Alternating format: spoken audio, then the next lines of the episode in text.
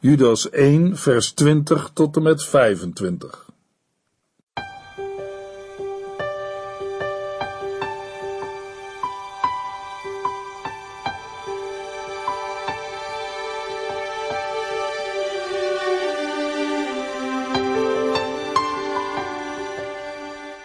Hartelijk welkom bij De Bijbel Door. Dit is een programma van Transworld Radio. U kunt ons ook vinden op internet www.transworldradio.nl. De Bijbel Door is een radioserie die in vijf jaar tijd door de hele Bijbel gaat. Van Genesis tot Openbaring, van kaft tot kaft.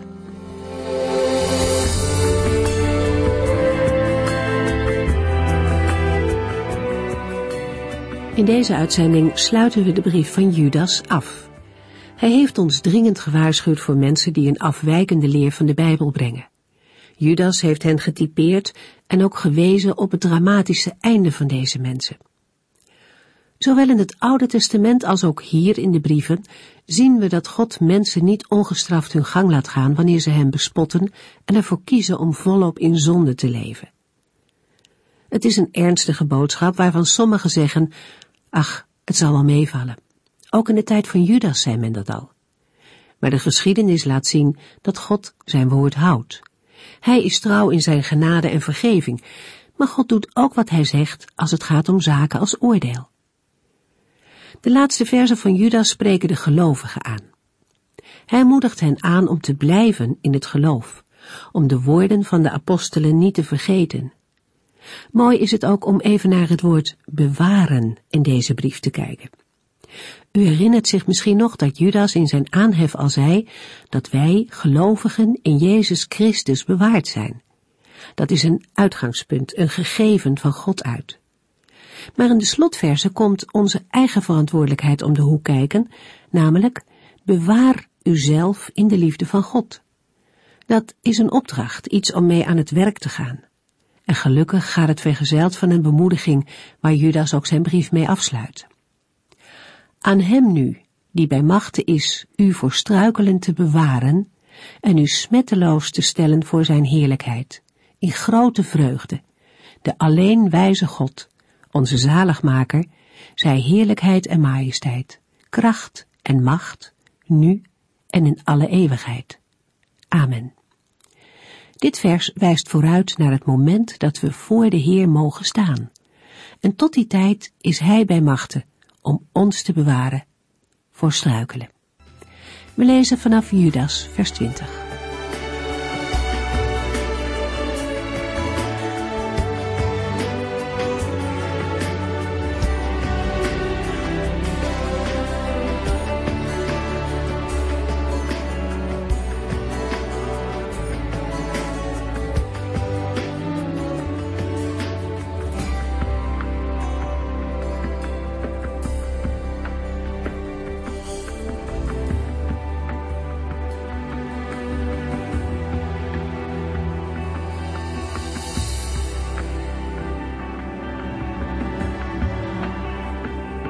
Deze laatste uitzending over de brief van Judas uit het Nieuwe Testament kijken we nog even terug naar de vorige uitzending. Judas moedigt de lezers van zijn brief aan, als ook alle gelovigen, hun allerheiligst geloof sterker te laten worden en zich bij hun bidden te laten leiden door de Heilige Geest. Gelovigen moeten zichzelf opbouwen. Zij moeten bouwen op hun geloof dat als fundament dient. De inhoud van hun geloof is immers Jezus Christus en zijn werk. Het opbouwen van het geloof betreft de hele gemeente en ieder afzonderlijk. In Efeziërs 2 vers 19 tot en met 22 lezen we in de vertaling van het NBG 1951 Zo zijt gij dan geen vreemdelingen en bijwoners meer, maar medeburgers der heiligen en huisgenoten Gods, gebouwd op het fundament van de apostelen en profeten, terwijl Christus Jezus zelf de hoeksteen is. In hem wast elk bouwwerk goed ineensluitend op tot een tempel, heilig in de Here, in wie ook gij mede gebouwd wordt tot een woonstede Gods in de geest. Door de Heilige Geest hebben de gelovigen, Joden en niet-Joden, de toegang tot God de Vader. Het woord toegang ziet op het recht dat door het verzoeningswerk van de Heer Jezus Christus aan iedere gelovige in Christus is geschonken. De weg tot God ligt open, de belemmering is weggenomen. Nu hebben wij door ons geloof vol vertrouwen vrij toegang tot God. Apostel Paulus schrijft aan de gelovigen in Romeinen 5 vers 1 tot en met 5 omdat wij ons aan God hebben toevertrouwd, zijn wij rechtvaardig geworden en leven wij nu in vrede met God, dankzij onze Heer Jezus Christus. Hij heeft ons dit bevoorrechte leven binnengeleid, waar wij vol verwachting uitkijken naar alle geweldige dingen die Hij voor ons heeft klaarliggen. Maar dat is niet het enige waarover wij zo blij zijn. Wij zijn ook nog blij als wij het moeilijk hebben want wij weten dat wij daardoor leren vol te houden. Als wij volhouden, doorstaan wij de proef, en als wij de proef doorstaan, wordt onze hoop sterker. Die hoop is geen valse hoop, omdat Hij ons hart gevuld heeft met Zijn liefde door de Heilige Geest, die Hij ons heeft gegeven. In het kader van deze uitzending is het ook mooi om de woorden uit Hebreeën 4 vers 16 erbij te lezen. Laten wij daarom vrijmoedig naar de troon van God gaan, om van Hem genade te ontvangen, om hulp te krijgen, juist in die ogenblikken dat wij het moeilijk hebben. De gelovigen zijn geen vreemdelingen en bijwoners meer, maar medeburgers der heiligen en huisgenoten Gods. In Efeziërs 2 illustreert Paulus de eenheid van Joden en niet-Joden in Christus met drie beelden namelijk met de inwoners van een stad, de leden van een huisgezin en een gebouw. Vroeger waren de niet-Joden of vreemdelingen mensen zonder burgerrecht. Nu zijn ze in Jezus Christus medeburgers geworden van de heiligen. Met de heiligen bedoelt Paulus in Efeziërs 2 de Joden, die al in het Oude Testament hun hoop op de komst van de Messias hadden gevestigd. Bijwoners zijn mensen die als vreemdeling zich blijvend in een ander land hebben gevestigd, zoals de Israëlieten in Egypte. Paulus gebruikt dit woord omdat het net als huisgenoten een samenstelling is van huis. Huisgenoten van God zal in Efeziërs 2 dan ook betrekking hebben op het grote huisgezin waarvan God de Vader is en waarbinnen de gelovige broeders en zusters van elkaar zijn. We in Efeziërs 2, vers 19 tot en met 22. Zo zijt gij dan geen vreemdelingen en bijwoners meer, maar medeburgers der heiligen en huisgenoten Gods, gebouwd op het fundament van de apostelen en profeten, terwijl Christus Jezus zelf de hoeksteen is.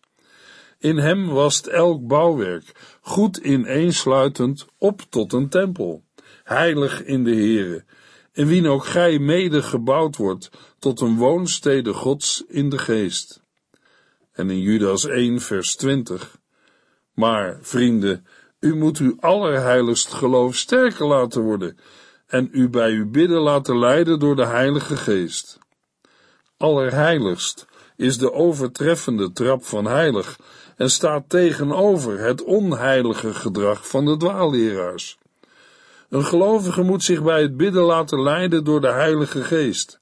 Dat wil zeggen, bidden onder leiding van de Geest, in de gezindheid van de Geest, geïnspireerd door de Geest. Het is zo bidden dat de Geest het gebed kan doorademen, tot leven kan brengen en zo nodig aanvullen. Nadat Judas heeft gewaarschuwd voor de dwaalleraars, en de gelovige heeft aangemoedigd te blijven strijden voor het geloof, noemt hij in Judas 1 vers 20 tot en met 25 zeven praktische geloofszaken waarmee gelovigen zich kunnen wapenen en beschermen tegen aanvallen vanuit de wereld, de duivel en hun eigen hart. In vers 20 noemde Judas er al twee, namelijk u moet uw allerheiligst geloof sterker laten worden en u bij uw bidden laten leiden door de Heilige Geest. Goed geestelijk voedsel is noodzakelijk voor een gezond geestelijk leven. Het betekent dat het woord van God een centrale plaats in het leven van een gelovige heeft. Er kunnen heel wat dingen zijn die u, jou en mij afhouden van dagelijks Bijbellezen en bidden. Op zich is dat een logisch feit binnen de geestelijke strijd en aanvechtingen waar een gelovige iedere dag mee te maken heeft.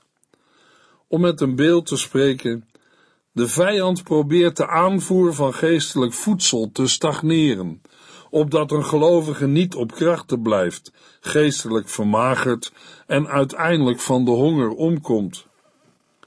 Een gelovige die geestelijk gezien als een uitgemergelde soldaat wankelend op de benen staat, is geen bedreiging voor de vijand.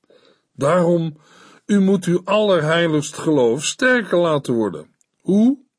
Door Bijbellezen, bidden, contact met andere gelovigen en actief de Heere dienen op de plaats die Hij u heeft gegeven. Het tweede punt dat Judas noemt is, u moet zich bij uw bidden laten leiden door de Heilige Geest. In het Bijbelboek Efeziërs spoort de apostel Paulus de gelovigen aan met de woorden, bewapen u dus met al Gods wapens, om u te kunnen verdedigen als de vijand aanvalt. Dan zult u, na grote dingen te hebben gedaan, ongeslagen uit de strijd tevoorschijn komen. Elk deel van de wapenrusting is ter verdediging. Maar twee stuk zijn ook wapens om aan te vallen. We lezen in Efeziërs 6, vers 17 en 18 het volgende. U zult niet zonder de helm van de redding kunnen, of zonder het zwaard van de geest, het woord van God. Bid voortdurend en laat u daarbij leiden door de Heilige Geest. Verslap daarin niet, maar houd vol en bid onafgebroken voor de andere christenen. We lezen over twee wapens waarmee niet alleen verdedigd kan worden, maar ook aangevallen, namelijk met het zwaard van de geest, dat is het woord van God, en bid voortdurend en laat u daarbij leiden door de Heilige Geest. Bij deze dingen dreigt wel een gevaar, namelijk verslap daarin niet, maar houd vol en bid onafgebroken voor de andere christenen. Ook daarover hoeven wij ons niet te verbazen. Het zijn immers wapens die gebruikt moeten worden in de geestelijke strijd. Geen mens zal beweren dat oorlogvoering een gezellig onder ons is en gemakkelijk is vol te houden. En dat geldt ook zeker voor geestelijke oorlogsvoering. De Heer heeft zijn kinderen in staat gesteld zich te verdedigen net als de Heer Jezus deed bij de verzoeking in de woestijn. Kunnen ook Gods kinderen, geleid door de Heilige Geest, de duivel verslaan met het woord van God. Daarbij moet wel gezegd worden dat wij dan niet te lui moeten zijn om Gods woord regelmatig te lezen, te bestuderen, te overdenken en erover te bidden. Sommige gelovigen hebben de gedachte als het nodig is, brengt de Heere mij zijn woorden wel te binnen door de Heilige Geest. Ik kan bevestigen dat de Heere daartoe zeker in staat is. Maar dat is geen excuus om Gods woord niet regelmatig te lezen en te overdenken.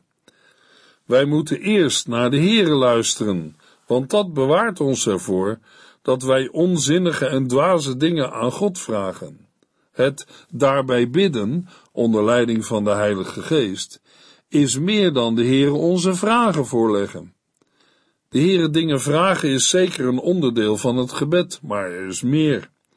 Het gebed van een gelovige en van de christelijke gemeente behoort aanbidding en lof voor de Almachtige God te bevatten. Als gelovigen in Christus hun gebeden zouden onderzoeken, dan is het mogelijk dat zij tot de ontdekking komen voor hoe weinig dingen zij God danken. En hoe weinig zij de Heere loven, prijzen en aanbidden voor wie Hij is, wat Hij doet en waar Hij voor bewaart. Sommige christenen bidden altijd voor anderen, maar bijna nooit voor zichzelf. Zij willen altijd voorbeden doen voor anderen en met hen bidden, maar zelf vragen zij geen voorbeden en ook niet om persoonlijk met hen te bidden. Ze zouden niet weten waarvoor. Maar, om een voorbeeld te geven, De apostel Paulus vraagt aan de gelovigen in de stad Rome, in Romeinen 15, vers 30, ter wille van onze Heer Jezus Christus en ter wille van de liefde die de Heilige Geest ons heeft gegeven, doe ik een dringend beroep op u. Wilt u mij helpen door vurig voor mij te bidden? Paulus heeft de leiding en kracht van de Heere nodig, maar ook de voorbeden en het gebed van zijn broeders en zusters voor het werk in de christelijke gemeente, bij de verkondiging van het evangelie, maar ook voor zijn eigen persoonlijke worstelingen. De apostel schrijft niet alleen over geestelijke zaken en de omgang met de Here, maar spreekt uit ervaring. Het is onder Gods wijsheid en leiding. Het zijn geen woorden van Paulus, maar Gods woorden die hij en de andere getuigen doorgeven. Daarbij hebben zij voortdurend te kampen met geestelijke strijd, aanvechtingen en persoonlijke worstelingen. Een gelovige moet ook leren bidden. Dat laten de eerste volgelingen van de Heer Jezus al zien. We lezen in Lucas 11, vers 1: Op een keer was Jezus ergens aan het bidden. Toen hij daarmee ophield, kwam een van zijn leerlingen bij hem en vroeg: Heere, wilt u ons leren bidden? Johannes de Doper heeft het zijn leerlingen ook geleerd. Wij weten allemaal dat het leren van dingen niet vanzelf gaat. Daarvoor is oefening, discipline en volhouden nodig. Vaak gaat een leerproces met vallen en opstaan. Het hoeft ons niet te verbazen dat leerlingen van Jezus aan hem vragen: Heere, wilt u ons leren bidden? Ze hadden ervaren dat bidden niet zo gemakkelijk was, en dat kan ook onze ervaring zijn. Daaruit moeten wij niet de conclusie trekken dat we dan maar zo weinig mogelijk tijd nemen om te bidden. Het is immers veel te moeilijk, en we weten ook vaak niet wat we moeten bidden. Nee, vraag dan hetzelfde als de leerling van Jezus in Lucas 11. Heere, wilt u mij leren bidden? Een hulpmiddel daarbij kunnen psalmen zijn, omdat de woorden vaak een gebed zijn. Bidden tot God, luisteren naar en praten met de Heere is van levensbelang voor een gelovige. Voor veel mensen is bidden een laatste hulpmiddel in nood of moeilijke tijden. Vaak ook niet meer dan een paar woorden, een schietgebedje. Maar bij de Heere kunt u met alles terecht. En Hij is nooit in gesprek. Een christelijk lied, gebaseerd op Jeremia 33 vers 3, zingt Roep mij toch aan en ik zal u voortaan grote en machtige dingen doen zien, waarvan gij niet weet. De profeet Jezaja schrijft in Jezaja 55 vers 6 en 7 Zoek naar de Heere, zolang hij zich nog laat vinden. Roep tot hem, nu hij nog dichtbij is. Laten de overtreders hun slechte wegen verlaten en elk plan tot zondige uit hun gedachten bannen. Laten zij naar de Heer onze God terugkeren, dan zal hij zich over hen ontfermen, want hij vergeeft grenzeloos veel. Judas 1 vers 21 Houd vast aan de liefde van God en blijf de goedheid verwachten van onze Heer Jezus Christus, die u het eeuwige leven schenkt. Vers 21 geeft nummer 3 en 4 van de zeven praktische geloofszaken, waarmee gelovigen zich kunnen wapenen en beschermen tegen aanvallen vanuit de wereld, de duivel en hun eigen hart. Namelijk, houd vast aan de liefde van God en blijf de goedheid van onze Heer Jezus Christus verwachten. In een andere Bijbelvertaling lezen we in vers 21: Bewaart u zelf in de liefde Gods, verwachtende de barmhartigheid van onze Heer Jezus Christus ten eeuwige leven. Al eerder merkten we op dat het werkwoord bewaren een belangrijke rol speelt in de brief van Judas. In de Griekse tekst van vers 24 lezen we dat gelovigen door de Here worden bewaard. Maar we weten ook dat een gelovige de verantwoordelijkheid heeft om zichzelf te bewaren. Gods initiatief en zijn waarborg en de verantwoordelijkheid van gelovigen worden door Judas in balans gehouden. De woorden de liefde van God kan twee dingen betekenen, namelijk de liefde van de gelovige voor God, maar ook de liefde van God voor de gelovigen. In vers 20 werd gezegd dat het zichzelf bewaren van de gelovigen te maken heeft met geloofsopbouw en bidden in de Heilige Geest. In vers 21 wordt de toekomstverwachting erbij gevoegd. De bewaring krijgt ook gestalte als de gemeente en iedere individuele gelovige de verwachting van de Heer Jezus Christus levend houdt. Het Griekse woord verwachten heeft in de Bijbel de betekenis van het uitzien naar het toekomstige heilsfeit, de wederkomst van Jezus Christus. Judas schrijft in vers 21: Houd vast aan de liefde van God en blijf de goedheid verwachten van onze Heer Jezus Christus, die u het eeuwige leven schenkt. Het Griekse woord voor goedheid betekent ook ontferming, barmhartigheid, medelijden en een bijzondere zegen. Met het woord goedheid wordt het onverdiende karakter van deze toekomstige zegen belicht. De Heere schenkt zijn zegen op grond van het verzoeningswerk van zijn Zoon Jezus Christus.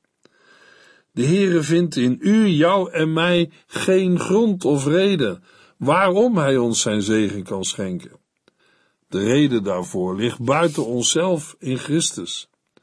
In wezen neemt God redenen uit zichzelf, op grond waarvan Hij zondaar zoals u, jij en ik genadig wil zijn. Wat een wonder! De woorden die u het eeuwige leven schenkt, geven de richting en het doel aan van de verwachting. Eeuwig leven is leven van een andere kwaliteit en onbeperkt, omdat het verbonden is met de drie enige God, de Vader, Zoon en Heilige Geest. De versen 20 en 21 laten de drie eenheid van God zien. Er is sprake van de liefde van God, het bidden in de Heilige Geest en de verwachting van Jezus Christus. Judas 1, vers 22. Leef mee met de mensen die twijfelen. Een ander punt dat van belang is in de geestelijke strijd is: denk niet alleen aan uw eigen belang, maar ook aan dat van anderen. Er zijn in de christelijke gemeenten, waaraan Judas schrijft, verschillende groepen gemeenteleden die binnen de invloedssfeer van dwaaleraars dreigen te komen. Mogelijk zijn ze al beïnvloed. Het is uit vers 22 niet duidelijk om hoeveel groepen het gaat. Gaat het om twee, dan wel om drie groepen. Maar dat er onderscheid wordt gemaakt, staat echter vast. Er moet barmhartigheid en goedheid worden bewezen naar gemeenteleden die het moeilijk hebben en twijfelen. Judas gebruikt de gebiedende wijs en de onvoltooid tegenwoordige tijd.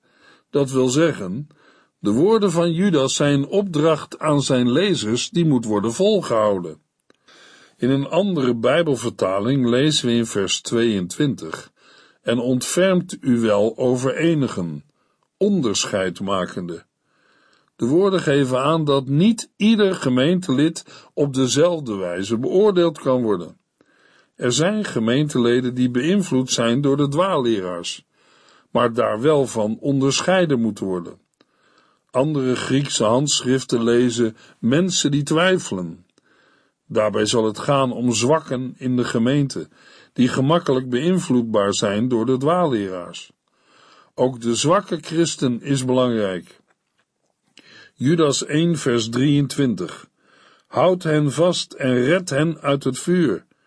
Maar bij sommige mensen moet u voorzichtig zijn met uw medeleven. U zou mogelijk door hun zonde kunnen worden beïnvloed. Haat elk spoor van hun zonde. Er is een groep gelovigen die al zo ver zijn meegegaan met de gedachtegang van de dwaalleraars, dat zij met haast uit het vuur gerukt moeten worden, anders zullen zij omkomen. Daarom schrijft Judas, houd hen vast en red hen uit het vuur. De woorden vasthouden en redden staan in de gebiedende wijs. Daarmee is het een opdracht aan de gelovigen. De beeldspraak uit het vuur redden of rukken is ontleend aan Zacharia 3 vers 2. De bedoelde gemeenteleden zijn in groot gevaar en hun redding zal even zorgvuldig zijn als die van Jozua in Zacharia 3. De woorden maar bij sommigen geven aan dat er gemeenteleden zodanig besmet zijn dat zij wel met medeleven benaderd moeten worden, maar voorzichtig.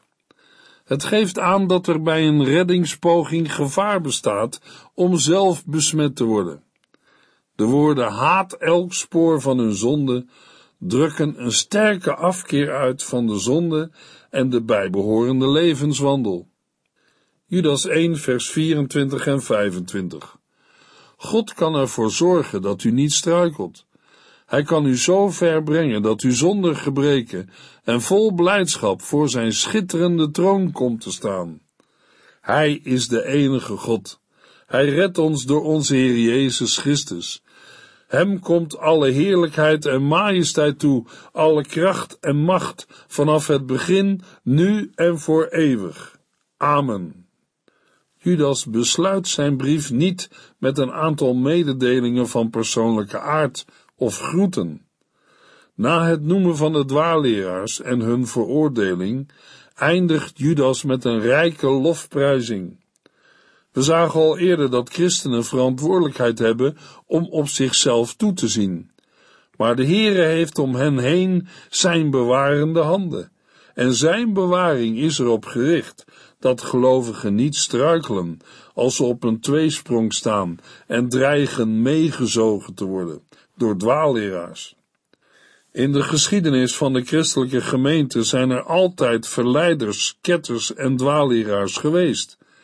En zij zullen er tot de wederkomst van Christus steeds weer zijn. Maar de Heere kan gelovigen ervoor bewaren dat zij de verkeerde keus maken. Wij mogen de Heer erom vragen in gebed. De lofprijzing betreft de enige, unieke en alleen wijze God. Hij is de enige die verlossen kan en in zijn wijsheid het plan daartoe heeft uitgedacht en uitgewerkt.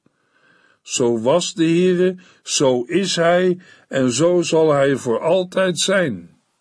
In de Griekse tekst staat eeuwig in het meervoud. We lezen er nu en in alle eeuwigheden. Amen. Het meervoud is een versterking en zegt dat er geen einde komt aan het bestaan van God en zijn daden. Als de brief van Judas in de christelijke gemeente werd voorgelezen, volgde niet alleen het amen van Judas, maar ook van de hele gemeente. Het amen onderstreept en bevestigt de lofprijzing als waar en oprecht. Hiermee is de bespreking van het Bijbelboek Judas afgesloten. In de volgende uitzending maken we een begin met het Bijbelboek Haggai uit het Oude Testament.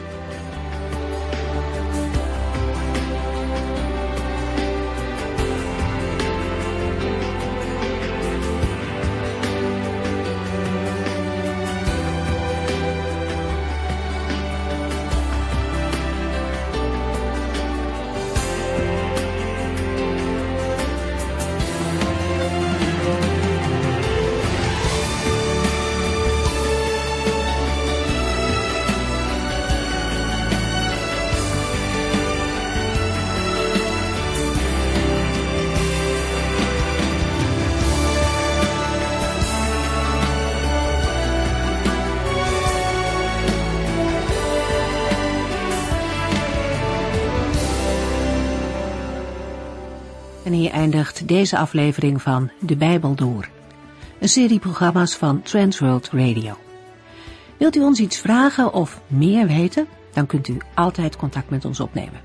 Bellen kan overdag met 0342 478432. Per post Transworld Radio. Postbus 371. Postcode 3770. Anton Johannes in Barneveld. En e-mailen kan ook. De Bijbel door at transworldradio.nl En natuurlijk ook via onze website transworldradio.nl Dit programma werd gepresenteerd door Cor Weda en Ike André. En namens iedereen die er nog meer aan meegewerkt heeft, graag tot de volgende keer.